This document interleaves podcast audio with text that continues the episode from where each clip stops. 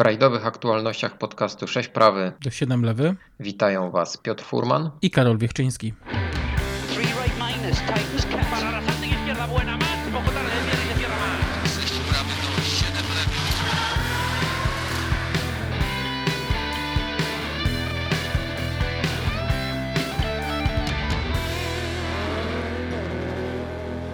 Wiemy, że spodziewaliście się usłyszeć nas trochę wcześniej, e, ale sierpień to jest taki miesiąc, e, gdzie mamy tyle wydarzeń rajdowych, że postanowiliśmy trochę e, poczekać i podsumować dla Was nie tylko rajd Finlandii, ale także rajd rzeszowski. A oprócz tego jeszcze porozmawiać na chyba najbardziej gorący temat, y, czyli o powrocie rajdu Polski do kalendarza WRC. Teraz y, tylko pytanie, od czego zaczynamy? Od czego zaczynamy? Myślę, że zaczniemy po kolei. Czyli Finlandia. Finlandia pójdzie na pierwszy ogień, bo to była bardzo ciekawa runda, dużo się tam działo. E, no i nie wygrał ten kierowca, e, którego byśmy o to posądzali. Wygrała Toyota, ale z innym kierowcą za kierownicą i chyba warto o tym porozmawiać, co tam takiego ciekawego się działo. No tak, ale przede wszystkim trzeba też uderzyć się w pierś, bo to my powiedzieliśmy na początku, że to wina samochodu, okazało się, że nie do końca, bo to tak trochę na dwoje babka wróżyła. To przypomina mi starą anegdotę, kiedy jeden z czołowych kierowców w rajdzie Barum um, o jako oficjalny po powód nieukończenia rajdu um, ogłosił awarię techniczną, a tą awarią okazało się drzewo w skrzyni biegu biegów, więc tu mieliśmy podobną sytuację. To nie była awaria techniczna, to znaczy, no po części była, bo po prostu nie wytrzymał silnik po uderzeniu po jednym ze skoków. No tak, wracamy e, do tematu Forda, do tematu Ojta Tanaka, e, nad którym w dalszym ciągu wiszą czarne chmury. Znaczy, widzę, że ty go traktowałeś jako faworyta tego rajdu. Ja tu bardziej myślałem tak, o Calero Vamperze, tak. Mm, ale jeżeli zacząłeś ha! już... E, nie, dobrze, Przepraszam, dobrze, bo to jest... ja muszę ci wejść w słowo. No, gdyby nie ta sytuacja, to prawdopodobnie mógłby być zwycięzcą tego rajdu. No wiele na to wskazuje. Oczywiście Ojtanak był jednym z faworytów. Bierzemy pod uwagę fakt, że Ford Puma Rally 1 w tej chwili e, nie jest samochodem nazbyt konkurencyjnym dla Toyota i Hyundai'a, ale rzeczywiście głód i wola walki e, w przypadku Ojta Tanaka mogła e, zdziałać wiele. No nie stało się tak, stało się jak się stało. Mm, Ford, w zasadzie M-Sport ma za sobą kolejny bardzo nieudany rajd. E, wypadek Lube, e, awaria spowodowana mocnym uderzeniem e, czymś twardym, najprawdopodobniej jakimś kamieniem w podwozie, w osłonę silnika spowodowała awarię samochodu Ojta Tanaka. No i tutaj to wszystko skupiło się właśnie już na Hyundaiu i na Toyocie, bo wydawało się, że już Calero Vampera jest na tyle dojrzałym kierowcą, będąc mistrzem świata, już bez większych problemów wygra ten e, rajd u siebie, a jednak tak się nie stało. To znowu pokazuje, jaki ten sport jest nieprzewidywalny i że nawet najlepszym zdarzyć się mogą różnego rodzaju potknięcia. Kale rajdu nie ukończył, skorzystał na tym Elfin Evans. E, I właśnie, bo to zwycięstwo, to jest drugie zwycięstwo Elfina w tym sezonie. Kale Pera też ma na swoim koncie dwa zwycięstwa. E, I teraz powiedz tak szczerze, czy rzeczywiście Elfin Evans jest realnym zagrożeniem na te kilka rund przed zakończeniem tego sezonu, żeby zagrozić mm. Kale w zdobyciu tytułu Mistrza Świata? No mając na uwadze, że rajdy to sport absolutnie nieprzewidywalny, mogę powiedzieć, że wszystko zdarzyć się może. I tutaj może dojść do takiej sytuacji, że to Elvin e, z Martinem będą e, otwierać szampana, celebrując tytuł Mistrza Świata. Mm, no bo do, do końca sezonu mamy jeszcze cztery rajdy. Ja rozumiem, że e, nie ma szybszego zawodnika w tym momencie od Kaler Van Pery, no poza Sebastianem Ogier. I Ojtem Tamakiem. I o, oj tam Tanaka. Znaczy ja mówię tutaj o, o zestawieniu samochód kierowca, no bo ta szybkość Tanaka oczywiście jej nie podważam. Puma potrafi być szybka, ale, ale potrafi. Natomiast y, szybkość Rowan Perry jest pokazywana na tych rajdach, które, które kończy. Okej, okay, ten sezon nie jest może wymarzonym sezonem Kale. Mamy te cztery rajdy, w tym bardzo trudny Akropol, w tym nowy rajd Europy Centralnej, więc naprawdę dużo jeszcze emocji przed nami i ja bym życzył sobie tego, żebyśmy sezon 2023 oglądali do samego końca, tak jak sezon 2001. No, Wszystko na to wskazuje, że tak może się wydarzyć. E, te różnice punktowe w tej chwili mogą się wydawać e, dosyć duże, ale przebudzenie Elfina Evansa nie jest przypadkiem. Ten kierowca w tym roku już zaznaczał swoje miejsce i ochotę do tego, żeby E, znowu powalczyć o tytuł. No przypomnijmy sobie, że w tym covidowym sezonie e, tak naprawdę dopiero na ostatnim e, rajdzie stracił szansę na ten tytuł. Na własne życzenie popełnił błąd, przepuścił Ożiera i to Francuz zdobył kolejny tytuł. Mm, tym razem sytuacja wygląda tak, że E, goniony Kalle Vampera tak jakby trochę nie trzymał ciśnienia. Ten wypadek w Finlandii pokazuje, że jeszcze tam jednak e, coś jest do poprawienia, jeszcze coś jest do zrobienia. E, ten syndrom Juchy ja bym... Kampunena chyba jeszcze ciąży nad Kale. No właśnie, a ja bym tego trochę nie oceniał, bo naprawdę trudno, ja, ja ten wypadek oglądałem kilkukrotnie i naprawdę trudno jest dopatrzyć się tam jakiegoś rażącego błędu. Tam ani nie było za szybko, e, tam był jakiś problem z torem jazdy. Nie podejrzewam, żeby Kale był osobą, która nie potrafi dobrać toru jazdy, szczególnie będąc u siebie, e, więc trudno mi to e, ocenić, czy to faktycznie był problem takiego nacisku ze strony Elfyna.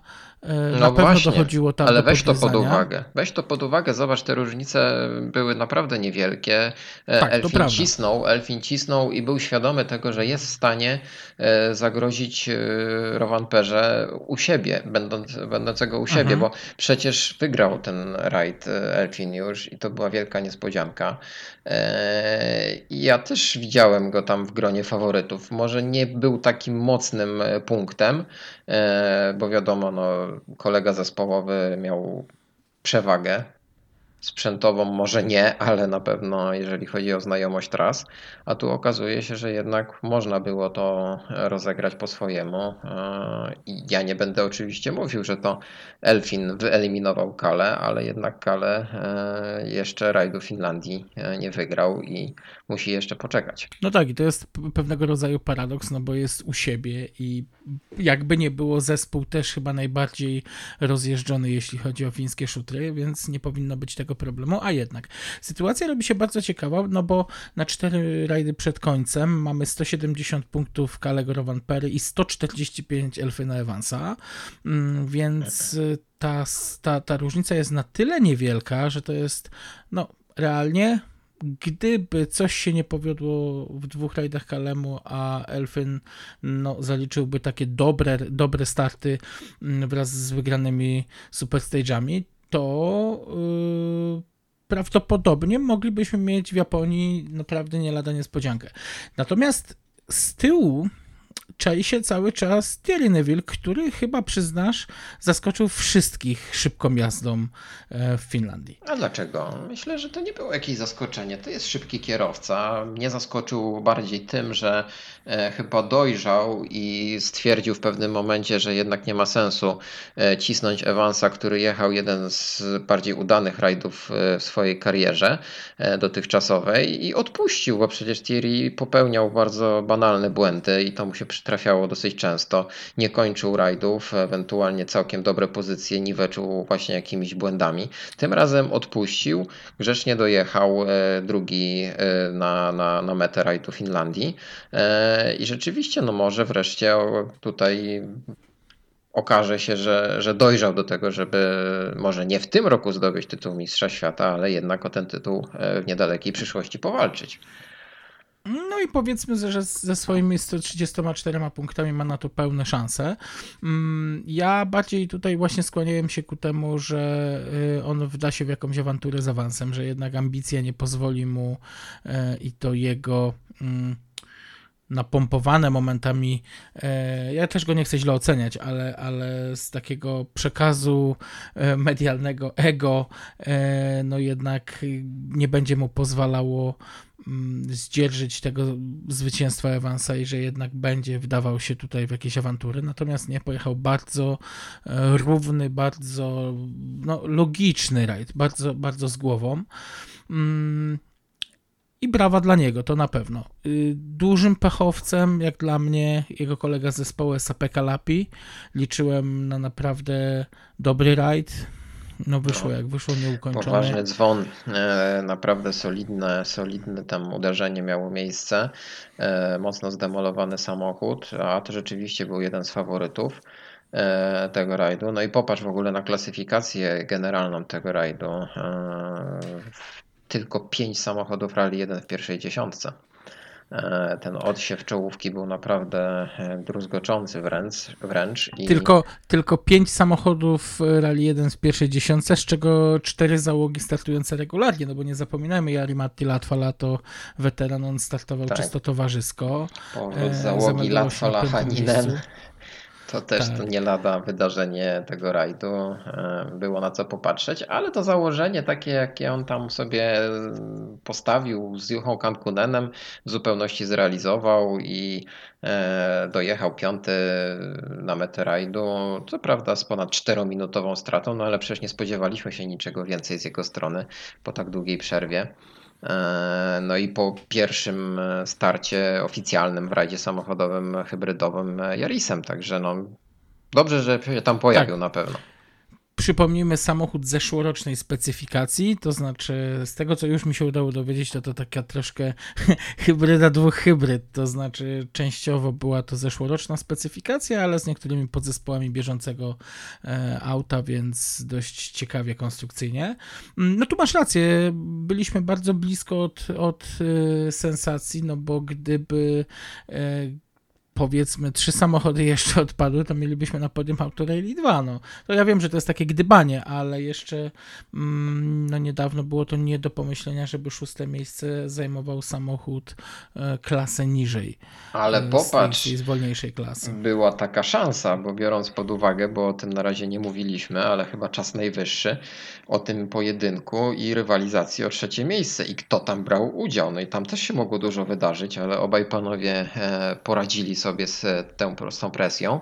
E, No i mamy tutaj nie lada sensację, bo Takamoto Katsuta, trzecie miejsce w klasyfikacji generalnej. No chyba ktoś, kto postawił na niego jakieś pieniądze e, u Pukmacherów, e, no to się wzbogacił. No tak, ale że Katsuta zostawia w pobitym polu Timu Suninena, to jest w ogóle sensacja. No to No też, ale bo- Timu Soninen, wiesz, no nie ma takiego doświadczenia objeżdżenia e, Okej, Hyundaiem. ale mimo wszystko jest bardziej wjeżdżony w fińskie szutry. No, a tutaj Takamoto, oczywiście on i tak był pierwszym Japończykiem już przed rokiem i przed dwoma laty, który wygrywał odcinki specjalne w rajdzie Finlandii, ale to był jedynie odcinek e, Hariu, czyli krótka próba, e, taka miejska bardziej.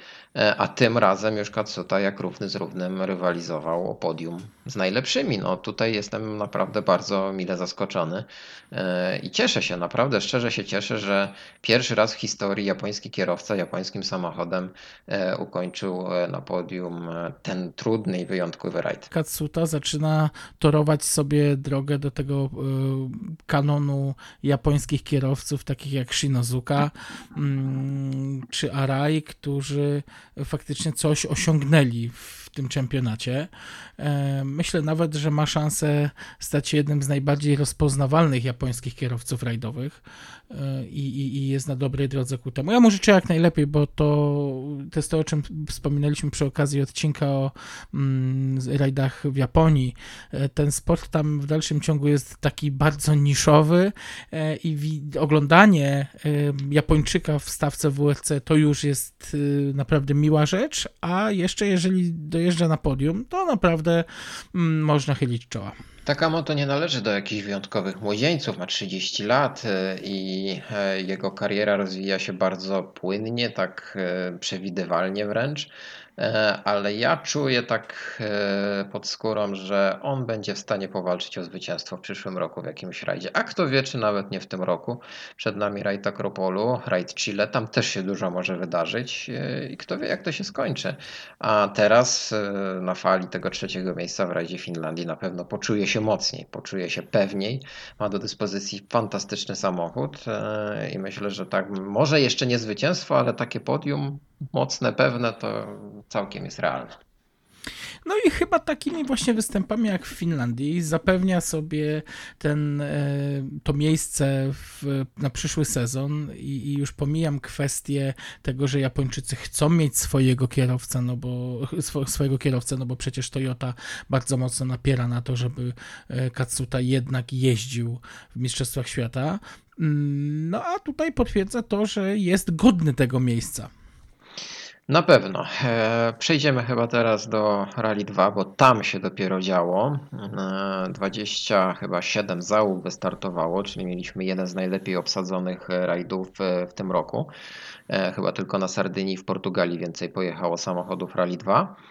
No i świetne nazwiska. Tak, i tutaj pojawiła się śmietanka, no i mnóstwo oczywiście Finów, którzy próbowali zdominować rywalizację, ale to takie nie było pewne że wszyscy dojadą na takich dobrych miejscach. Wygrał sami Pajari, e, co akurat było do przewidzenia. E, on tam się świetnie czuje, ale wcale też mu tak łatwo nie było, bo tutaj wielka niespodzianka. Drugie miejsce Fiesty Rally 2, Adrian Furmo. No, dla mnie rewelacyjna jazda. Gość e, tutaj pojechał E, bardzo, bardzo szybko, bardzo pewnie i wcale nie odstawał od zwycięzcy, więc tutaj e, podziw. A on też stoczył fantastyczny pojedynek z Nikolajem Griazinem, który przyjechał trzeci. Wszystkich oczywiście pokonał Olivier Solberg, ale on z tego co pamiętam chyba nie zbierał punktów w nie zbierał, w tym tak. roku w tej klasyfikacji WRC 2. Nie zbierał punktów, natomiast kwestia sami Pajariego to jest y, dla mnie mm, naj, w tym momencie najbardziej niedoceniony kierowca z całej, z całej stawki e, rajdowych mistrzostw świata. E, chłopak pochodzący z rajdowej rodziny, bo i ojciec i brat e, się ścigają. Mm, on ma dopiero 21 lat, a już potrafi wygrać rajd w swojej klasie. Do tego ma niesamowicie mm, taką wrodzoną prędkość. Y, naprawdę fenomenalne wyczucie samochodu, bardzo ładny tor jazdy i wydaje mi się, że jeżeli ktoś zadba o rozwój jego kariery, to może jeszcze namieszać e, w wyższych klasach. Ja wiem, tak, zaraz mi powiesz, że 21 lat to już jest za stary, ale jeszcze nie, wydaje mi się, że e, ten czas takich normalnych y, wiekowo kierowców y, jeszcze nie przeminął. Myślę, że jest właśnie w bardzo dobrym wieku i biorąc pod uwagę, jak rozwija się jego kariera, to ma bardzo duże szanse, żeby zasiąść za sterami samochodu Rally 1. Jakiekolwiek te samochody by w przyszłości miały nie być, bo to, czy to będą hybrydy, czy jakieś inne samochody, to jeszcze nie wiemy. E, wszystko wskazuje na to, że jednak ten e, system i ten podział się na razie utrzyma taki, jaki jest ale nie wybiegając e, w przyszłość, e, no, podsumujmy też e, start Mikołaja Marczyka i Szymona Gospodarczyka, którzy pojawili się zaraz po dosyć dobrym wyniku w Estonii. Także w Finlandii poszli za ciosem, pojechali tym razem czy wolniej? No niekoniecznie. Tym razem udało się zająć im siódme miejsce w klasyfikacji WRC 2. To dobre miejsce czy złe? No w takiej obsadzie to myślę, że wcale nie było tak łatwo e, wbić się nawet do pierwszej piątki, e, biorąc pod uwagę, jakie tam nazwiska z przodu są. No, do pierwszej piątki wbili się w klasie WRC 2 Challenger, e, więc jakoś wybitnie źle nie było i myślę, że tutaj ten start też można zaliczyć. To są znowu kilometry lesowe, więc Mikołaj miał znowu pole do popisu, jeśli chodzi o naukę. Ten rajd jest w ogóle bardzo trudny do, do oceniania, bo przy natłoku e, załóg lokalnych, a przecież nie zapominajmy, w Finlandii zawsze startuje cała masa tych mm, lokalnych wojowników jednego rajdu, którzy bardzo często w rajdowych mistrzostwach świata tylko uczestniczą właśnie w rajdzie, w rajdzie Finlandii i znają te trasy bardzo e, dobrze, wydaje mi się nawet, że lepiej niż, e, niż cała szpica rajdowych przez świata. E, więc jest bardzo trudno ocenić taki start na, na przykładzie właśnie rajdu Finlandii, więc nie ma tutaj co krytykować, że to piąte miejsce w Challengerze, zebrane kolejne punkty i przede wszystkim zebrane doświadczenie. No mi brakowało trochę jakiegoś takiego może rajdowego nerwa w tej jeździe. Widać było, że no, Miko jedzie na przetrwanie trochę ten rajd, y, tak żeby trzymać kontakt y, w tej pierwszej dziesiątce z kierowcami, za bardzo nie, żeby mu nie uciekli, e, ale widać było, że priorytetem było ukończenie tego rajdu. E, może trochę zabrakło takiej agresji. E, nie było takich spektakularnych czasów i wyników jak w Estonii tym razem. Mm, ale tak jak Wiesz co, powiedziałeś, tak. Finlandia jest specyficzna, tam naprawdę niewielu polskich kierowców zaglądało przecież e, walcząc o jakieś punkty, czy w grupie N kiedyś Leszek Kuzaj, e, czy, czy, czy Krzysiek Hołowczyc w Teams Cup, e, no to nie jest łatwy rajd, tak? E, I, i- tutaj trzeba rzeczywiście e, mieć e, objeżdżone te wszystkie charakterystyczne miejsca, być wyczulonym na te niespodzianki, które tam czyhają na tych odcinkach specjalnych. No ale dobrze, kolejny ukończony rajd, zobaczymy co dalej. No, Miko zobaczymy w Grecji. W Grecji też pojawi się Kajetan Kajetanowicz e, i tam będziemy mieli znowu trochę zaognioną sytuację, którą jeszcze pewnie podkręcą kibice. Mm, No i też pewnie będziemy mieli o czym mówić. e, Oby obie polskie załogi ukończyły ten rajd. Wiesz co, tak, tylko zwróć uwagę, że można było pojechać rajd Finlandii pełnym e, ogniem i skończyć go tak jak e, Virves, Bulacia, jeden czy drugi e, i kilka innych lokalnych załóg e, w spektakularny sposób rozbijając samochód, więc e, wydaje mi się, że Mikołaj tutaj, e, no, wiedząc po co tak naprawdę przyjechał, wiedząc, że przy tak mocnej obsadzie będzie naprawdę trudno walczyć o jakiś spektakularny wynik, wydaje mi się, że lepiej było e, jechać strategicznie, rozważnie i, i po prostu dojechać, zbierając doświadczenie. Inną kwestią oczywiście jest y, strata czasowa, ale zdajmy sobie sprawę z tego, że y, przewaga pierwszego w WRC 2 w Challengerze, mm, bo ja będę się tutaj na tą klasę tylko odwoływał, y, pomiędzy pierwszą a drugą załogą, czyli pomiędzy Pajarim a Griazinem, już była minutę. Pomiędzy pierwszą załogą a e, Miko Heikilą, czyli trzecią załogą, już była dwie minuty. Więc ym, ten, ta stawka była bardzo mocno rozciągnięta. Tak, Byli ale, tutaj tacy ale dominatorzy, To ja tutaj właśnie zwrócę uwagę jeszcze na coś innego, bo po pierwszych pięciu odcinkach specjalnych w stawce WRC 2 e, pierwsza trzynastka mieściła się w 30 sekundach.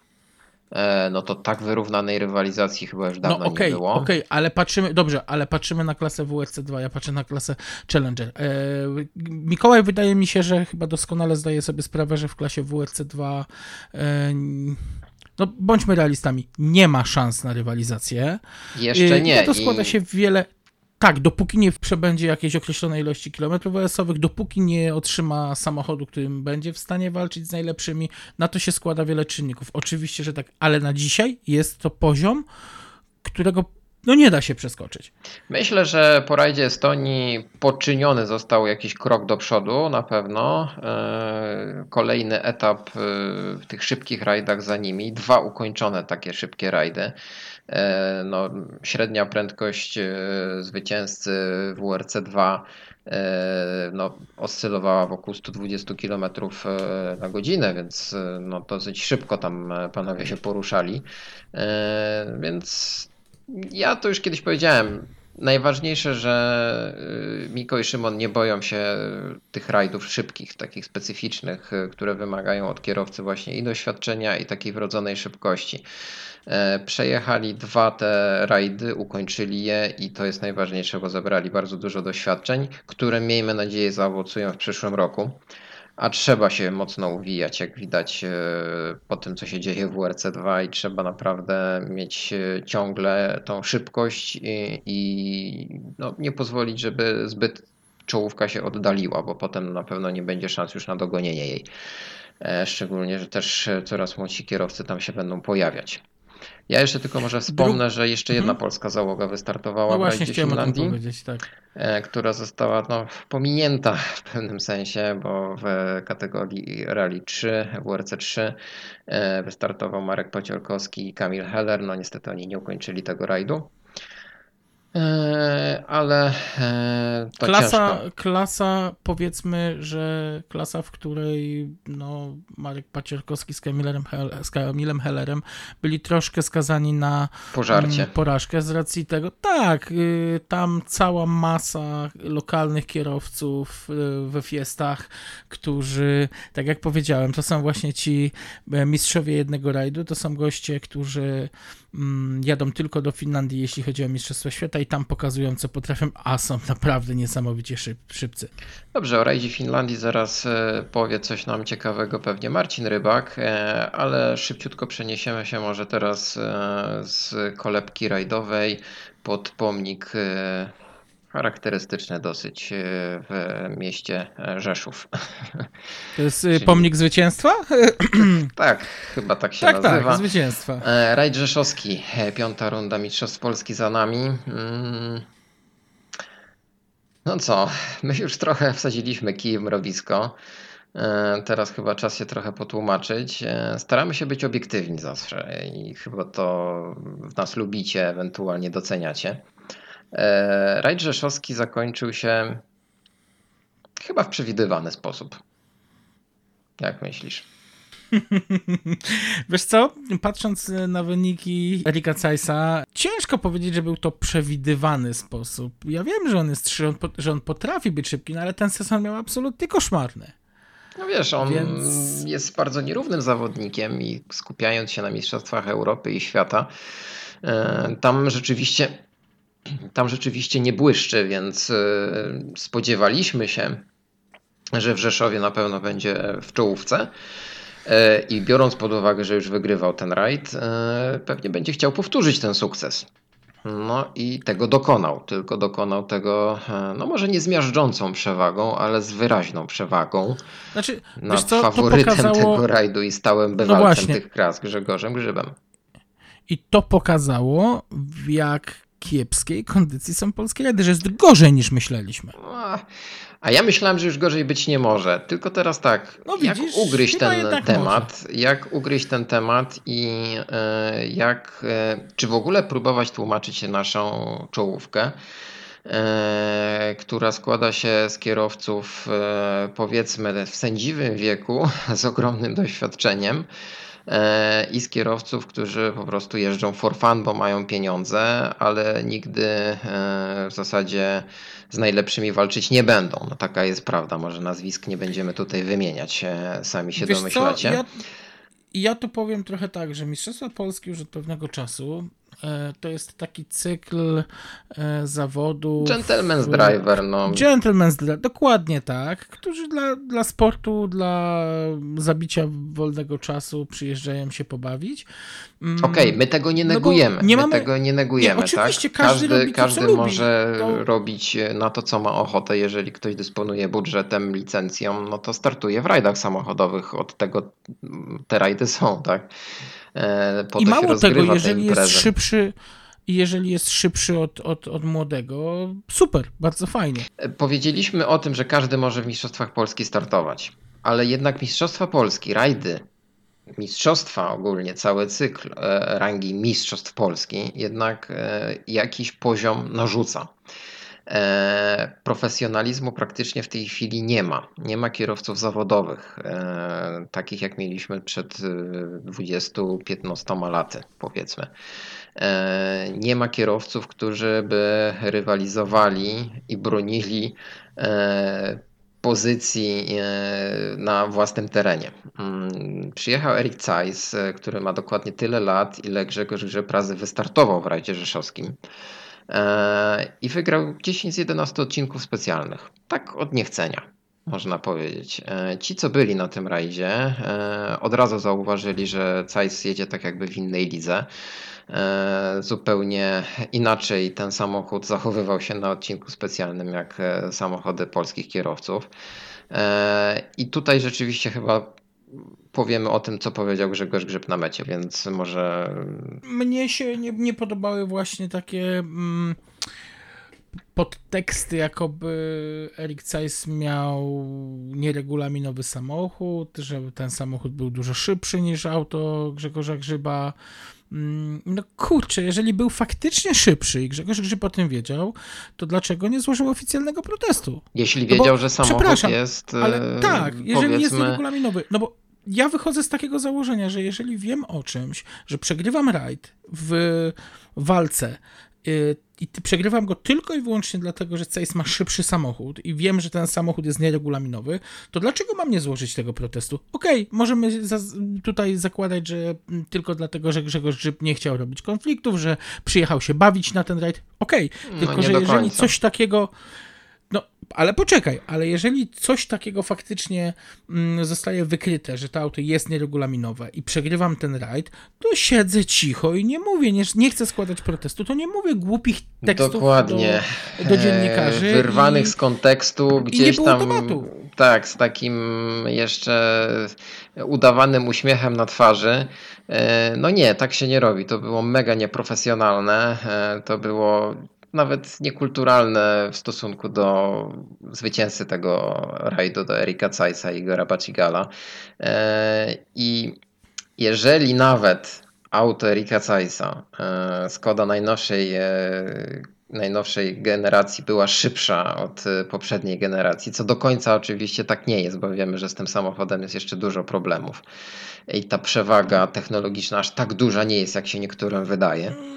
No i niektórzy twierdzą, że ten samochód potrafi być wolniejszy od starszej generacji. No dokładnie, warunkach. no to dobrze, no to jeżeli jeszcze kierowca, który sam ma sporo za uszami, e, zaczyna takie zarzuty kierować w stronę zwycięzcy tego rajdu i robi to w bardzo nieprofesjonalny sposób, no to już naprawdę kładzie cień e, na całym tym cyklu e, i, i, i na tym, co się dzieje w polskich rajdach. No to było naprawdę poniżej, poniżej krytyki. E, I To jest, to jest trochę na zasadzie takie, jak gdyby zwycięzca, e, przepraszam, nie zwycięzca, tylko mm, drugi zawodnik tego rajdu stanął i mówił, a ja coś wiem, ale nie powiem. tak, No to jeżeli tak. chcemy Domyślcie się rozbierać sami, zwycięzcę, tak? no to rozbierajmy. Tak. Jeżeli nie rozbieramy, to znaczy, że nie było tematu. No, No, no niesmak pozostał. E, polskie rajdy pogrążają się w jakiejś nicości, w jakiejś czarnej rajdowej dziurze, e, z której jakoś nie są w stanie e, wyjść już od jakiegoś dłuższego czasu. Cieszy na pewno powrót Kacpra Wróblewskiego i Kuby Wróbla. Trzecie miejsce w generalce. No, 16 sekund straty do grzyba. Biorąc pod uwagę tę przerwę starta, którą mieli, no to całkiem dobry wynik. Czwarte miejsce Łukasz. Byśkiniewicz, Daniel Siatkowski, e, Sylwester Pochytka, Rafał Fiołek e, miejsce piąte, Jarosław Kołtun i Reneusz Pleskot e, miejsce szóste, no i jeszcze jedna polóweczka się Darka Poleńskiego nam zaplątała w dziesiątce na miejscu siódmym. Więc to z takich... a jak skomentujesz występ Martina Sesksa? No Martin Sesks popełnił błąd i, i, i skończył jak skończył ten rajd, e, ale czy miałby szansę na walkę o zwycięstwo tym samochodem, którym startował? Chyba nie, bo to znowu było No właśnie. ta podejrzana taka Fabia, o której się dużo mówi za, za bardzo nie wiadomo o co chodzi z tym samochodem, ale już tłumaczyliśmy, e, wypowiadaliśmy się na temat tego samochodu. Co to za samochód, dlaczego w ogóle powstał i dlaczego jeździ.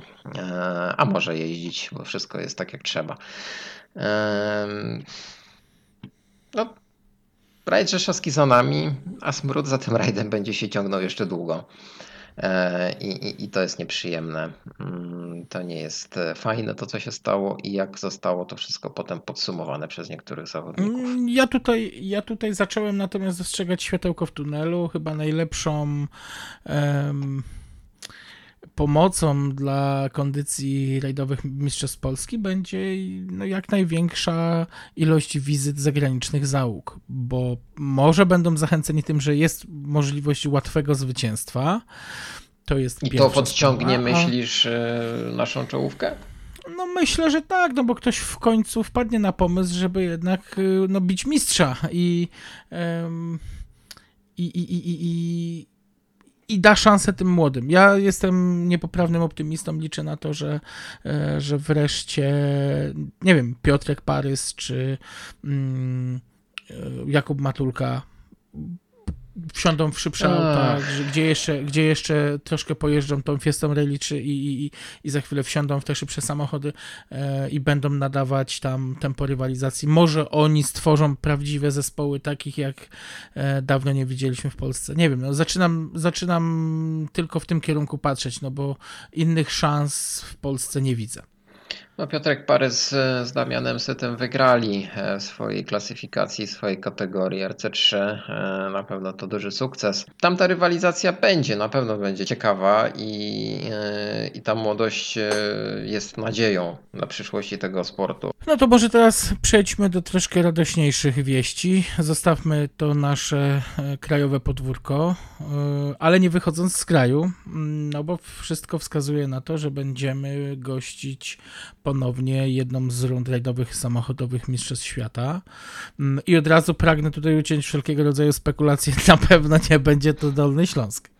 W sieci wrze, można tak powiedzieć. E, W sieci wrze, rajd polski wraca do kalendarza WRC. Mm, Taki rym e, może na koniec. E, Cieszymy się. Cieszymy się z tego Znaczy, powodu. przepraszam, przepraszam, najprawdopodobniej wraca. E, No dobrze, wiesz, tutaj chyba nie ma co już owijać w tej chwili w bawełnę. Czekamy na potwierdzenie i na oficjalny komunikat, ale ten rajd e, powinien się znaleźć w kalendarzu. E, I trochę niespodziewanie się znowu znalazł tam, bo nic nie wskazywało na to, że rajd polski e, wróci tak szybko do tego kalendarza. E, Biorąc pod uwagę, że zamiast rajdu Estonii będzie rajd e, Łotwy e, i nagle pojawia się rajd polski e, jako propozycja. E, Rajd, który e, ma już dosyć, dosyć duże doświadczenie oczywiście w kalendarzu WRC jako wersja szutrowa e, i zawsze się tam sprawdzał. E, Ci, którzy chcieli widzieć wady tego rajdu, oczywiście widzieli, ale kierowcy będą mile wspominać i zawsze podkreślają, że tam naprawdę dużo się działo i e, rywalizacja na mazurskich szutrach przynosiła im dużo frajdy. Także myślę, że czas e, powrócić e, do Mikołajek e, i na te nasze przedziwne szutry i znowu zobaczyć najlepszych kierowców. No, ale te szutry są na tyle atrakcyjne i na tyle inne właśnie od estońskich, y, łotewskich czy fińskich szutrów, że jednak y, są i atrakcyjne dla promotora i dla zawodników. Mm, Ja wiem, że one momentami też przypominają rajd przeprawowy dla tych y, niższych klas, ale tak naprawdę nikt nie narzekał z tego powodu, jeśli chodzi o rajdowe Mistrzostwa Świata, więc e, chyba wszystko jest w porządku. Em, ja tutaj troszkę będę taki złośliwy i y, no, pod kątem tych informacji, tych spekulacji, które tutaj miały miejsce odnośnie powrotu e, do, do, na Dolny Śląsk tego rajdu. Kurczę, ludzie, zejdźcie na ziemię. Nie po to ten rajd był organizowany właśnie na Mazurach, żeby teraz ktoś go przenosił na Dolny Śląsk i takie spekulacje są naprawdę, nie wiem, wyssane z palca. Ja nie wiem, kto tam jest informatorem tych pewnych portali, ale no poziom odklejenia niejednokrotnie już sięga zenitu, chyba że to są po prostu w dalszym ciągu przedłużenie bajek mchu i paproci, ktoś to łyknie, no Ale Ja no, nie wiem, kto to mówmy łyka. wprost, mówmy wprost, kto rob, narobił najwięcej zamieszania. Najwięcej zamieszania narobił e, w cudzysłowie powiem, profesjonalny portal rajdowy rally.pl, który jest w tej chwili tak naprawdę już typowo clickbaitowym e, portalem. E, budzącym, próbującym wzbudzać jakieś tanie sensacje i to właśnie cała ta e, dziwna jakaś e, mrzonka na temat rajdu Polski na Dolnym Śląsku to właśnie wyszła od nich. E, no to jest bzdura oczywiście, nie wiem po co podkręcać i podsycać e, potem e, w komentarzach jeszcze całe te takie dziwne domysły. No przecież wszyscy wiedzieli doskonale, że nie ma szans na powrót rajdu Polski w ogóle na Dolny Śląsk, a co mówić jeszcze o tym, żeby tam była runda WRC. Jeśli ktoś cokolwiek zna jeszcze historii Automobil Klubu Dolnośląskiego i lat 90. e, i jak tam wtedy wyglądała sytuacja z rajdem Polski, no to doskonale będzie wiedział, że e, tak naprawdę w tej chwili to byłaby e, totalna utopia e, zorganizować rajd tej rangi właśnie w tym rejonie. Niewykluczone, żebyśmy obawiam chcieli się- zobaczyć na polskich asfaltach rajd, rajd polski w WRC, ale, ale to jest totalnie nierealne. Bardzo bym chciał zobaczyć, tylko no tak jak mówię, jest to rzecz kompletnie no już nawet nie tyle nierealna, co po prostu aż niedorzeczna. Jeśli chodzi nawet o Mistrzostwa Europy, no bo ponieważ ERC też będzie chciało zorganizować jeden z, jedną z rund właśnie w Polsce i tutaj temat zostaje otwarty i ja szczerze wątpię w to, żebyśmy nawet mogli na Dolny Śląsk patrzeć jako potencjalnego partnera dla ERC. Nie, nie, na pewno nie. Myślę, że będziemy mieli rajd e, Mistrzostw Europy w Polsce też w przyszłym roku, e, ale skupiając się na rajdzie Polski, e, no, realia są takie, że jedynie jest szansa największa tam przeprowadzić rundę WRC i to się nie zmieni, jeszcze się pewnie długo nie zmieni. Powrót rajdu Polski na Dolny Śląsk. My o tym już trochę też mówiliśmy, rozmawialiśmy na ten temat. W tym roku mamy bardzo przedziwną rundę. Rajd Centralnej Europy, organizowany przez trzy kraje. Już w tej chwili e, wiemy, że są bardzo duże problemy logistyczne ze zorganizowaniem tego rajdu. Ten rajd najprawdopodobniej zostanie rozegrany, chociaż też wisiały czarne chmury. Pierwszy i e, ostatni. Pierwszy i ostatni. Niewykluczone, że właśnie tak będzie. Okazuje się, że wcale to nie jest takie łatwe. My kiedyś mówiliśmy o tym, że rajd Polski na Dolnym Śląsku jako ewentualna nawet runda WRC mogłaby być zorganizowana razem e, z czeskimi sąsiadami. E, byłaby to na pewno jakaś opcja. Ale jak się okazuje, właśnie na podstawie tego, co się dzieje w organizacyjnych strukturach rajdu centralnej Europy wcale to nie jest takie łatwe. Poza tym przypomnę przecież, że rajd polski na Mazurach był też łączony e, z odcinkami na Litwie i to też wcale nie był dobry pomysł, więc te takie globalne połączenia międzynarodowe rajdów e, to nie jest łatwa rzecz i wcale to nie musiałoby się udać. E, więc skupmy się na rajdzie Polski na, w Mikołajkach i proponuję już e, najprawdopodobniej w czerwcu rezerwować sobie e, urlopy, noclegi, bo e, cyrk WRC w przyszłym roku zagości do Polski. No a panom z życzonego portalu jednak e, życzymy troszkę więcej stąpania po ziemi. Tak, i, i kubeł zimnej wody na niektóre głowy by się tam wody, tak. przydał, bo jeżeli naprawdę chcecie, żeby rajdy były profesjonalnie przedstawiane, to przestańcie gonić za tanią sensacją i sami tej taniej sensacji wywoływać, więc radzimy się zastanowić, trochę więcej rzetelności i, i, i będzie lepiej. A mówiąc o mm, stronach i portalach internetowych, chcieliśmy poinformować naszych wiernych słuchaczy, że po blisko dwóch latach e, działania podcastu dorobiliśmy się własnej strony mm, internetowej e, i nie będzie to tylko miejsce, w którym będziecie mogli odsłuchać e, archiwalne odcinki, ale będzie tam też dużo treści pisanych, których nie znajdziecie no nigdzie indziej. Zapraszamy tradycyjnie na nasz fanpage. E, tam e, lada chwila pojawi się informacja o naszej stronie. E, I... A strona będzie pod adresem 6p do 7l.pl więc adres też bardzo Sprawdzimy, sprawdzimy, czy w dzisiejszych czasach strona internetowa to rzeczywiście jest to, czego potrzebują e, nasi słuchacze. E, mam nadzieję, że ona będzie się rozwijać, że znajdziemy czas na to, żeby ją rozwijać i żeby ta strona e, była takim miejscem, w którym znajdziecie wszystko, co do tej pory już przedstawiliśmy Wam właśnie za pomocą podcastu, a także właśnie za pomocą treści e, na naszym fanpage'u.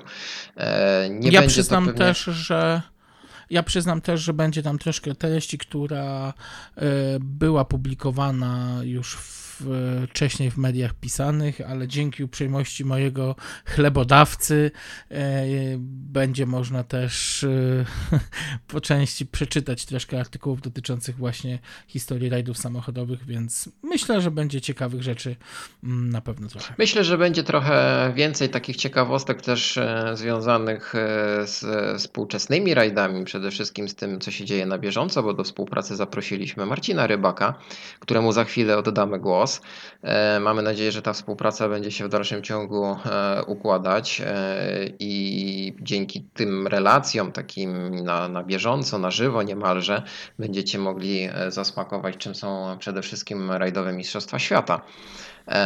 I będą pojawiać się, mam nadzieję, że na łamach naszej strony właśnie takie felietony Marcina Rybaka, e, z którym w tej chwili właśnie rozmawiamy i ustalamy ewentualną współpracę, więc e, trzymajcie kciuki za to, żeby się to udało. E, no, oczywiście na stronie też nie zabraknie historii i wszystkich ciekawostek, które dotychczas udało nam się już Wam przekazać. A ja już dzisiaj mogę zaprosić do bardzo ciekawego zestawienia e, ryczących czterdziestek twojego autorstwa, Piotrze, gdzie poruszasz temat kierowców, którzy ukończyli 40 rok życia. I wygrali rajd w WRC i wygrali raid WRC, natomiast z mojej strony chciałem zaprosić do przeczytania wywiadu z Juchą Kankunenem, który no, kilka lat temu już został poczyniony, ale można się dowiedzieć naprawdę kilku szokujących faktów z jego życiorysu. Dziękujemy Wam serdecznie w takim razie. E, zapraszamy e, na nasz kanał, na nasz fanpage. E, komentujcie, słuchajcie, krytykujcie. Chociaż ostatnio słyszałem, że na podstawie moich błędów w podcaście niedługo ktoś książkę napisze, także. Także chętnie poczytam. Chętnie poczytamy, tak, obaj. Więc jeżeli jakieś błędy widzicie, to oczywiście w taki kon konkretny sposób e, i, i, i, i sposób taki, który będzie nam pozwalał te błędy poprawić, komunikujcie nas o tym. A póki co oddajemy głos naszemu korespondentowi z Finlandii, Marcin Rybak. Mikrofon dla Ciebie. Dziękujemy, do usłyszenia. Do usłyszenia.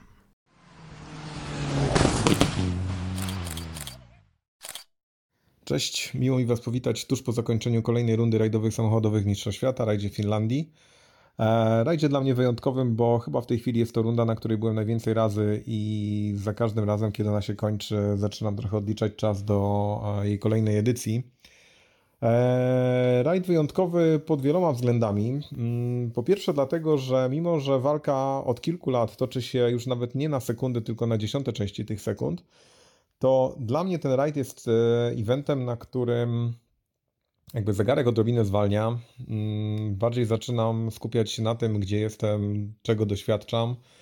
E, natura, przepiękne lasy, fantastyczne jeziora. Pogoda, mimo że w tym roku mieliśmy trochę deszczu, to, to jednak zawsze znajdzie się chwila ze słońcem, chwila na taki totalny chill out. E, I przyznam szczerze, że brakowało tego w ostatnich kilku e, eventach, na których byłem. No tym razem Finlandia po raz kolejny nie zawiodła i muszę przyznać, że było to naprawdę fajne doświadczenie. Po raz kolejny i na pewno nie po raz ostatni. E, rajd y, obchodzący swoje 70-lecie, nie była to 70. edycja, ale 70-lecie. E, rajd y, przygotowany z myślą o dziedzictwie, które mm, ta runda jest w stanie przygotować i jest, którym w stanie jest się dzielić. E, obfitował w odcinki, których e, nie mieliśmy w ostatnim czasie w harmonogramie albo przez kilka, kilkanaście, bądź nawet kilkadziesiąt lat. Nawet starzy bywalcy tego rajdu, tacy jak e, byli mistrzowie fińscy, mistrzowie świata, mówili, że powrót odcinków typu Myhinpa no jest, jest rzeczą niezwykłej wagi, bo jest to odcinek legendarny, epicki, jeśli chodzi o samą jazdę, masa szczytów, super szybkie zakręty.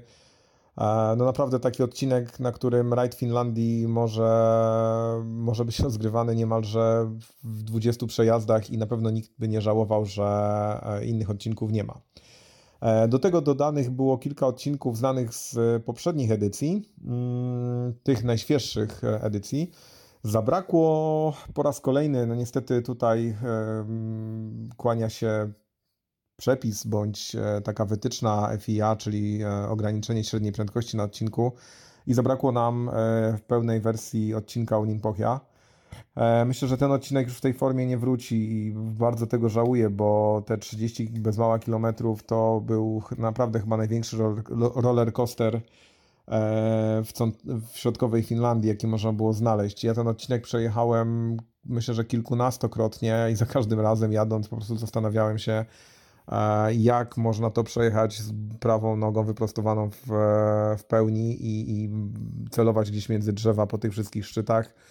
Bo przyznam szczerze, że na pewnym fragmencie tego, tego odcinka a, ilość szczytów, ilość przejść przez te szczyty jest tak absurdalna, że praktycznie nie widzi się środka zakrętu albo końca tego zakrętu w momencie, kiedy się w niego wjeżdża. E, no naprawdę niesamowity odcinek. Niestety nie mamy go, mamy go w takiej bardzo krojonej wersji, e, który zawiera, która zawiera mm, skrzyżowanie Kakaristo, czyli taką Mekkę dla ludzi, którzy lubią się pobawić, lubią e, napić się piwa, zjeść jakieś tam grillowane wiktuały. Niemniej jednak jest to część trochę bardziej nudna niż, niż ta początkowa, dawna część Oninpochi lub ta ekstremalnie szybka, środkowa. E, na szczęście została część dalsza właśnie od skrzyżowania Kakaristo do mety, mm, na której mamy takie bardzo słynne spadanie, mamy e, Hoppe Tomiego. No, jest to odcinek na pewno, na który warto pojechać, ale jest to taka bardzo wykastrowana wersja i, i to już nie jest to. E, zabrakło też odcinka Ruchimaki, który dla mnie od samego początku, czyli już przeszło 20 lat, jest odcinkiem, na którym są moim skromnym zdaniem najlepsze hopy w e, całym kalendarzu i zarówno jechany w jedną, jak i w drugą stronę obfituje w takie skoki, których e, no, ze świeczką szukać w pozostałej części kalendarza. Mm, żałuję, że tego odcinka nie ma, nie wiem nawet z jakiego powodu, bo nawet lokalni ludzie mówią, że nie do końca to jest jasne, dlaczego nie trafił do harmonogramu tegorocznej e, imprezy. E, no i trochę go brakowało. Mm, natomiast pozostałe odcinki absolutnie typowe, charakterystyczne ze wszystkim, co Finlandia ma do zaoferowania najlepszego. Mm, I e, zarówno odcinek, który mamy w mieście, czyli Hariu, e, który teoretycznie jest krótki wokół trzepaka, ale daje już taki fajny przedsmak emocji, które będziemy mieli od następnego dnia, że dosłownie dziesiątki tysięcy ludzi na tym odcinku oklaskujące kolejnych zawodników no, robią też niesamowitą atmosferę i warto to zobaczyć i chociaż raz przeżyć. E, sam rajd e, wiedzieliśmy od samego początku, że będzie trochę loterią, jeśli chodzi o pogodę, bo zapowiadało się padanie, zapowiadało się przede wszystkim, że będzie dość niska temperatura, jak na tę część roku w Finlandii bo ostatnich kilka edycji przyzwyczaiło mnie do tego, że jest tam 25 plus stopni i bez najmniejszego problemu można śmigać przez całe dnie w shortach i t-shircie. No tym razem jednak e, poranki z jednocyfrowymi temperaturami robiły wrażenie. E, do tego deszcze, które mnie zmoczyły trzy czy czterokrotnie bardzo mocno, e, też powodowały, że ta temperatura, temperatura odczuwalna była zupełnie niewakacyjna. Bardziej to przypominało tę edycję, która była rozegrana we wrześniu w roku pandemicznym. E, jeśli chodzi o e, rywalizację, mm, wiadomym było, że w tym momencie zawodników, którzy dysponują prędkością godną tego, żeby rywalizować o zwycięstwo w rajdzie Finlandii, jest tak naprawdę trzech. Kalle Rovanpera to jest jakby oczywistość. Oj Tanak, który wygrał tę rundę E, w przeszłości kilkukrotnie. No i Elvin Evans, który wygrał, e, wygrał ją dwukrotnie. E, była szansa, że ta trójka rozdzieli między sobą karty. Mógł się do tego oczywiście jak zwykle włączyć Thierry Neville, ale tak naprawdę ta trójka, którą wymieniłem na początku, była brana pod uwagę jako, jako absolutni faworyci. E, Rajd się zaczął od dość dużego przytupu, bo okazało się, że zespół M-Sportu pożegnał już na pierwszej pętli obie swoje załogi. Ojc Tanak, e, który no, miał niezwykłego pecha. W tej kompresji, znam to miejsce, w którym to się stało, e, w tej kompresji zgniótł jakąś rurkę, jakiś przewód. W, kompresja nastąpiła w takim miejscu, gdzie płyta zasprężynowała do wewnątrz i, i przygięła ten, ten element. Poskutkowało to ugotowaniem silnika i końcem jazdy. To tak naprawdę ustawiło już w dużej mierze rywalizację, ponieważ Kale, który od samego początku starał się jechać totalnie flat out, e, pokazał, że wygranie rundy domowej mm, jest gdzieś bardzo wysoko na jego liście życzeń na ten sezon i owszem, cały czas powtarzał, że liczą się mistrzostwa, liczy się kalkulacja całego sezonu, ale wygranie tej rundy myślę, że było bardzo, bardzo wysoko na liście jego mm, oczekiwań. Od momentu, kiedy zniknął z tabeli wyników Oid Tanak, e, Kale tak naprawdę powygrywał kilka odcinków z rzędu i było wiadomym, że to będzie jego rajd, jeżeli nie wydarzy się nic nadzwyczajnego. Niestety, albo stety, wydarzyło się coś nadzwyczajnego. Na jednym z zakrętów, na lewej takiej długiej sekcji, gdzieś zapał jakąś kałużę, jakąś bardziej mokrą łachę mm, szutru. Odwiozło mu tył, zadał gdzieś w wegetację i się okazało, że Kale już nie pojedzie dalej. Zrolował auto. Niestety później okazało się, że to auto jest nie do zreani- zreanimowania w pawilionki, gdzie, gdzie mieścił się serwis, jakieś uszkodzenia, czy to klatki, czy, czy poszycia, które były nienaprawialne w warunkach e, takiego szybkiego serwisu. I tak naprawdę był to moment, w którym drzwi otworzyły się do walki e, o zwycięstwo przez resztę stawki. Resztę stawki mam tutaj na myśli i Thierry'ego Neville'a i Elvina Evansa, bo ci dwaj zawodnicy e, byli bardzo blisko siebie i szczerze mówiąc byłem przekonany, że Elvin zacznie odjeżdżać e, Thierry'emu, bo no wiem, że Thierry nie do końca czuje się idealnie w tak szybkich e, rajdach i, i zawsze był gdzieś tam problem po jego stronie z tym, żeby rywalizować absolutnie o, o topowe miejsca. Natomiast Elvin zrobił to, co do niego należało, czyli wykorzystał swoją Toyotę i zaczął budować przewagę, która dość szybko zbliżyła się do kilkudziesięciu sekund, e, ostatecznie oscylowała w granicach 25-30. I tak naprawdę można byłoby powiedzieć, że rajd w tym momencie się zakończył, jeśli chodzi o rywalizację o zwycięstwo, natomiast absolutnie nie zakończył się, jeśli chodzi o samą rywalizację taką stricte sportową, o miejsca dalsze bądź o miejsca w klasach.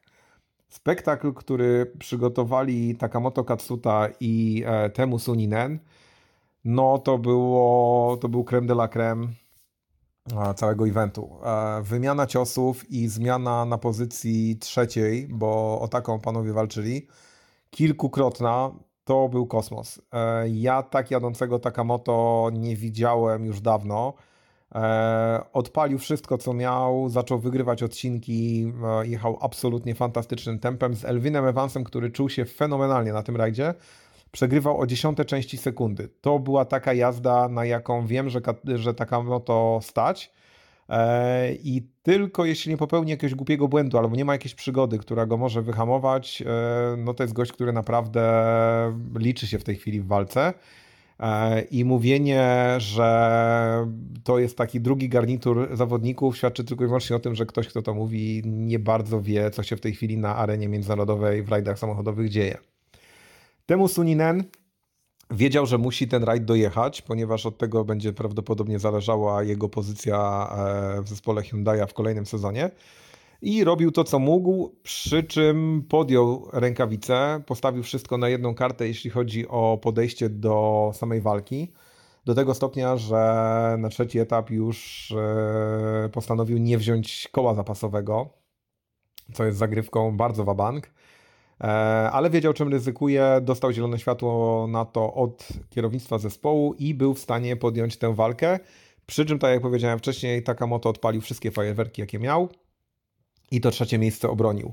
Super, mega szacun, e, fantastyczna walka. Naprawdę oglądało się to z zapartym tchem, śledziło się każdy odcinek, jeśli chodzi o wyniki i panowie jechali absolutnie na limicie. E, Ale nie była to ostatnia e, rywalizacja, którą przyszło nam śledzić e, i którą ja się mega ekscytowałem. Trochę prywatnie, dlatego że robię zdjęcia dla Olivera Solberga, w związku z czym dla mnie była to taka trochę prywatna satysfakcja. Natomiast przez to, że również robiłem wcześniej zdjęcia dla samego Pajariego, no również temu chłopakowi kibicuję, bo jest to no, niesamowity talent. Naprawdę gość, który wziął się znikąd a pokazuje i dojrzałość, i fantastyczny rozwój, bo jest prowadzony mm, przez ludzi, którzy stoją za nim. E, Notabene e, do pewnego czasu mm, miał bardzo duży support z Polski. E, Jest prowadzony w bardzo mądry sposób. Nie ma na nim wywieranej presji, jedzie swoje, e, jednocześnie uczy się i ma możliwość e, rozwijania swoich umiejętności takich stricte sportowych. W związku z czym z rajdu na rajd e, zyskujemy zawodnika, który już nie tylko mm, rokuje, ale zaczyna zdobywać e, super wyniki. E, To, jak wyglądała wymiana ciosów między nim a Oliverem Solbergiem, no to była jeszcze chyba lepsza zabawa niż do, do oglądania niż pojedynek Takamoto i mm, Temu. Ponieważ tutaj oprócz tego, że walczył Oliver z e, Samim, to jeszcze do walki włączył się przez chwilę mm, Nikolaj Griazin, e, był Adrien Formeau, bardzo blisko. Jari Hutunen pojechał fantastyczny rajd. I gdyby, podejrzewam, że gdyby nie to, że miał problem z zawieszeniem na jednym z odcinków, e, no to myślę, że pierwsza trójka w tym rajdzie zamknęłaby się spokojnie w 5 sekundach, bo tam była wymiana ciosów już na naprawdę pojedyncze dziesiąte części sekundy. E, Rozczarował trochę Andreas Mikkelsen, który już kilkukrotnie zapowiadał, że on tutaj jest po to, żeby dominować. No, okazało się, że kompletnie nie dominuje, bo są od niego zwyczajnie szybsi, co też pokazuje, jakiego typu dominację zaprezentował nam Volkswagen, kiedy Andreas Mikkelsen był w stanie zdobywać seryjne podia i, i walczyć o zwycięstwo, kiedy na przykład e, Sebastian Ogier odpadał albo, albo była jakaś, e, jakaś sytuacja z, z, czyszczeniem trasy. E, Do tego Adrien Formeau, który mm, pojechał bardzo fajny rajd i pokazał, że Fiesta Rally 2 jest naprawdę całkiem udanym samochodem i może walczyć o zwycięstwa. Do tego Gaz Greensmith, który się trzymał bardzo wysoko, niestety popełnił błąd na jednym z odcinków i, i zwiedził gdzieś e, maliny i, i, i już nie liczył się w walce później. E, Wszystko to powodowało, że tak naprawdę po przejeździe aut fabrycznych, których zostało tak naprawdę niewiele, mieliśmy nadal taką rywalizację i taką, taki poziom sportowy samej jazdy, że właściwie do takiego ekscytującego oglądania było co najmniej, myślę, że 15 samochodów na każdym odcinku. Życzyłbym sobie, żeby na każdej rundzie była taka sytuacja, że była tak wyrównana walka, bo no to było coś nierealnego wręcz, żeby e- emocjonować się dosłownie każdym przejazdem, każdą, e, każdą sekcją, na której e, byłem. Mm. Jeśli chodzi o, o zespoły fabryczne, nie jestem w stanie powiedzieć, żebym mógł powiedzieć, że któryś z zawodników mnie rozczarował. Wypadek Esapekki Lapiego mm, pechowy, ale myślę, że to jest to, ta sama sytuacja, która miała miejsce w przypadku Calero Vanpery. Zmienne warunki, nieprzewidywalne, jakieś kolejny z pewną ilością wody. Nawet najlepsi mogą tutaj popełnić błąd i takie błędy właśnie popełnił Esapekka, który myślę, że aspirował do zwycięstwa w tym rajdzie, jak i Calero Vanpera, który odpadł z pierwszego miejsca. Mm. E, Pierre-Louis Lubé, który również e, wykonał e, figurę już na, na pierwszej m, pętli. To miejsce, w którym wydarzyła się jego przygoda, jest bardzo specyficzne i bardzo charakterystyczne i zbiera wiele żniw, jeśli chodzi o pourywane bądź pokrzywione zawieszenia co roku. W związku z czym no, było za szybko, jednak podjął wyzwanie tego rajdu i chciał pojechać na tyle szybko, na ile wie, że potrafi, e, ale no, okazało się, że w tym zakręcie konkretnym było ciut za szybko i e, zdemolował swoją pumę, musząc wystartować e, w systemie Super Rally. Jeśli musiałbym określić czyjąś, czyjś taki właśnie negatywny odbiór startu, no to chyba właśnie Pierre-Louis Lubé. Wszyscy pozostali zawodnicy pojechali absolutnie swój maks i super. Absolutnie dla każdego wielkie brawa, bo w tym rajdzie ten rajd nie bierze jeńców. Tutaj jak coś się dzieje, to się dzieje na grubo. E, No i najważniejsza rzecz z mojego punktu widzenia, start Jariego Matti, e, Jariego Matti Latwali, który pojechał owszem starszą, starszą generacją Jarisa, e, bo to był model zeszłoroczny, natomiast nie jest to ważne. Ważne jest to, że Jari Matti, który uosobienie tego fińskiego sisu, czyli tych takich przysłowiowych fińskich jaj, które trzeba mieć, żeby pojechać między tymi drzewami z prędkością absurdalną, E, Gość, który był od zawsze, całą swoją karierę super emocjonalny, bardzo zaangażowany w to, co robi, bardzo taki, wydawało się poukładany, a jednocześnie turbo gorąca głowa, gość, który e, umiał płakać, umiał cieszyć się, krzyczeć i, i e, szaleć e, w momencie, kiedy zwyciężył. Mm, Jego powrót za kółko, no po prostu wow. Każdy czekał na to na zasadzie, no zobaczymy co będzie. Co było? Było to, że Jari Matti i Juho Haninen, który go pilotował, przejechali cały rajd bez większych przygód, e, zyskując prędkość z OS-u na OS. Jari wiedział o tym, że wypadnięcie z tego, e, na tym rajdzie, wypadnięcie z drogi byłoby odebrane jako powrót starego, starego mm, drivera, który miał z tym problem. Jednocześnie startował w tym rajdzie jako szef zespołu e, Toyoty, w związku z czym wizerunkowo i, e, i PR-owo musiał ten rajd ukończyć. Musiał ten rajd ukończyć bez większych przygód, co zrobił. Oglądanie go na metach poszczególnych odcinków, kiedy po prostu cieszył się jak dzieciak, że może rywalizować i że jedzie nie najgorzej, bo naprawdę jechał całkiem, całkiem spokoj. To było bardzo fajne tempo. Oglądanie tego, jak się cieszy, było no, super przeżycie. Naprawdę niemalże łza wokół się kręciła, widząc jak, jak gość, jak, jaką gość ma radość. Dla mnie było to tym bardziej wyjątkowe, bo ja pamiętam, kiedy byłem e, w Finlandii, to była moja, chyba moja była druga Finlandia wtedy. Pamiętam, kiedy Jari Matti startował wtedy jako debiutant, jako dzieciak, pryszczaty, młody chłopak, e, o którym się mówiło, słuchajcie, tu jest potencjał na Mistrzostwo Świata, którego ostatecznie nie zdobył, no ale mówmy się, że dał wiele, wiele radości nam przez te 210 startów. Słuchajcie, 210 startów No to jest kawał, kawał życia. Moje 230, mniej więcej 230 rund WRC, które zaliczyłem, to jest całe moje życie. Ja po prostu nie pamiętam, co, się, co robiłem, zanim to się zaczęło wydarzać. E, No, fajna, fajna historia. Fajna historia, zakręcająca niezłe kółko w tym momencie i było fajnie popatrzeć, jak, e, jak dorosły facet może się cieszyć jak dziecko tylko dlatego, że dostał szansę robienia tego, co robił całe życie i robił to na absolutnie mistrzowskim poziomie. E, Mieliśmy w rajdzie Finlandii również dwie polskie załogi, em, Paciorkowski Heller i Marczyk Gospodarczyk. E, Załoga w kategorii Rally 3 pojechała, myślę, że bardziej for fun i było to takie chyba przetarcie się po mm, najlepszych szutrach na świecie.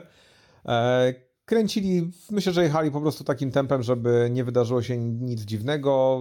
Finalnie nie ukończyli rajdu ze względu na jakąś tam przygodę na odcinku, ale nie było wstydu.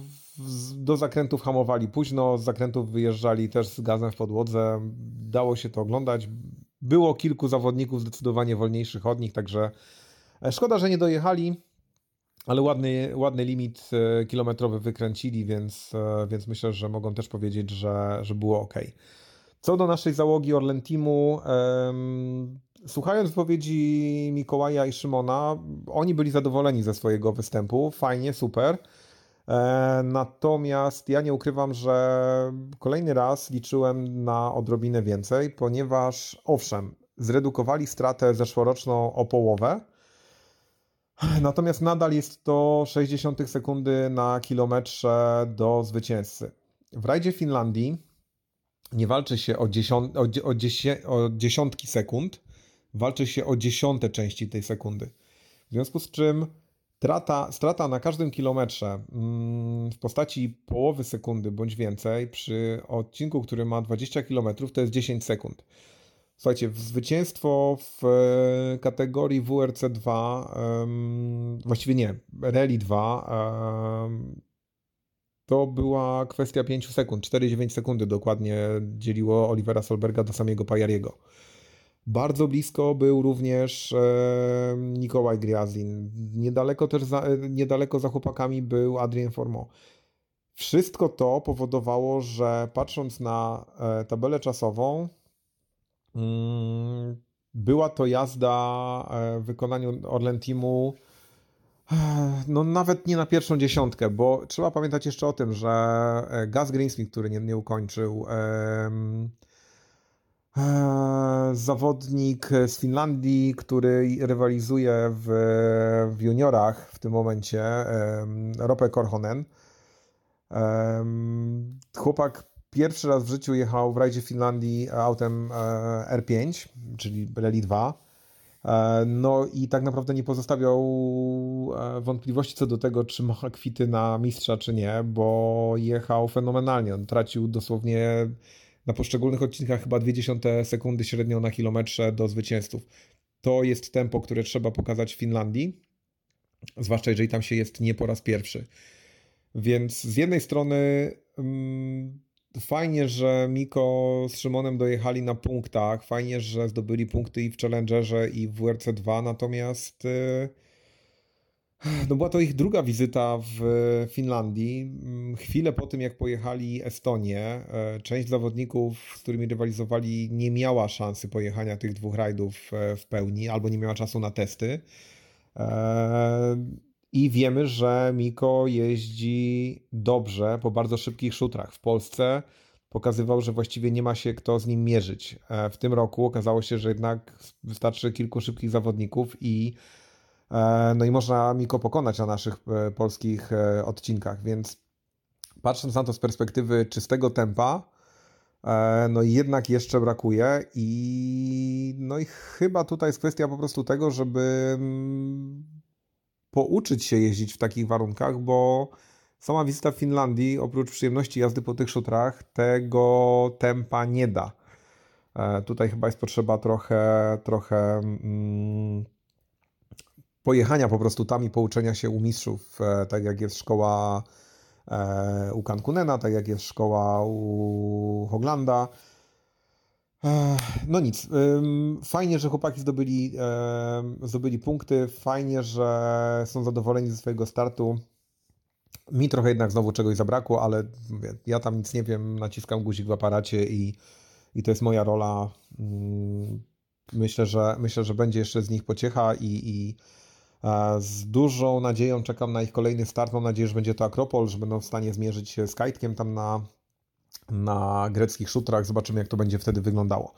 Póki co e, chwila przerwy. Mm, Mamy miesiąc e, bez rajdu. No dla mnie, dla mnie niestety nie jest to miesiąc em, wolnego, bo za chwilę zaczynam jakieś swoje eventy driftowo cross country.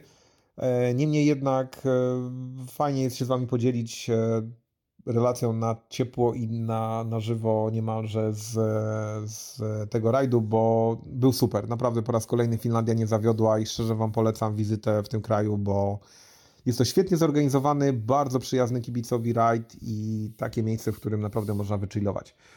Pozdrawiam Was serdecznie i do następnego.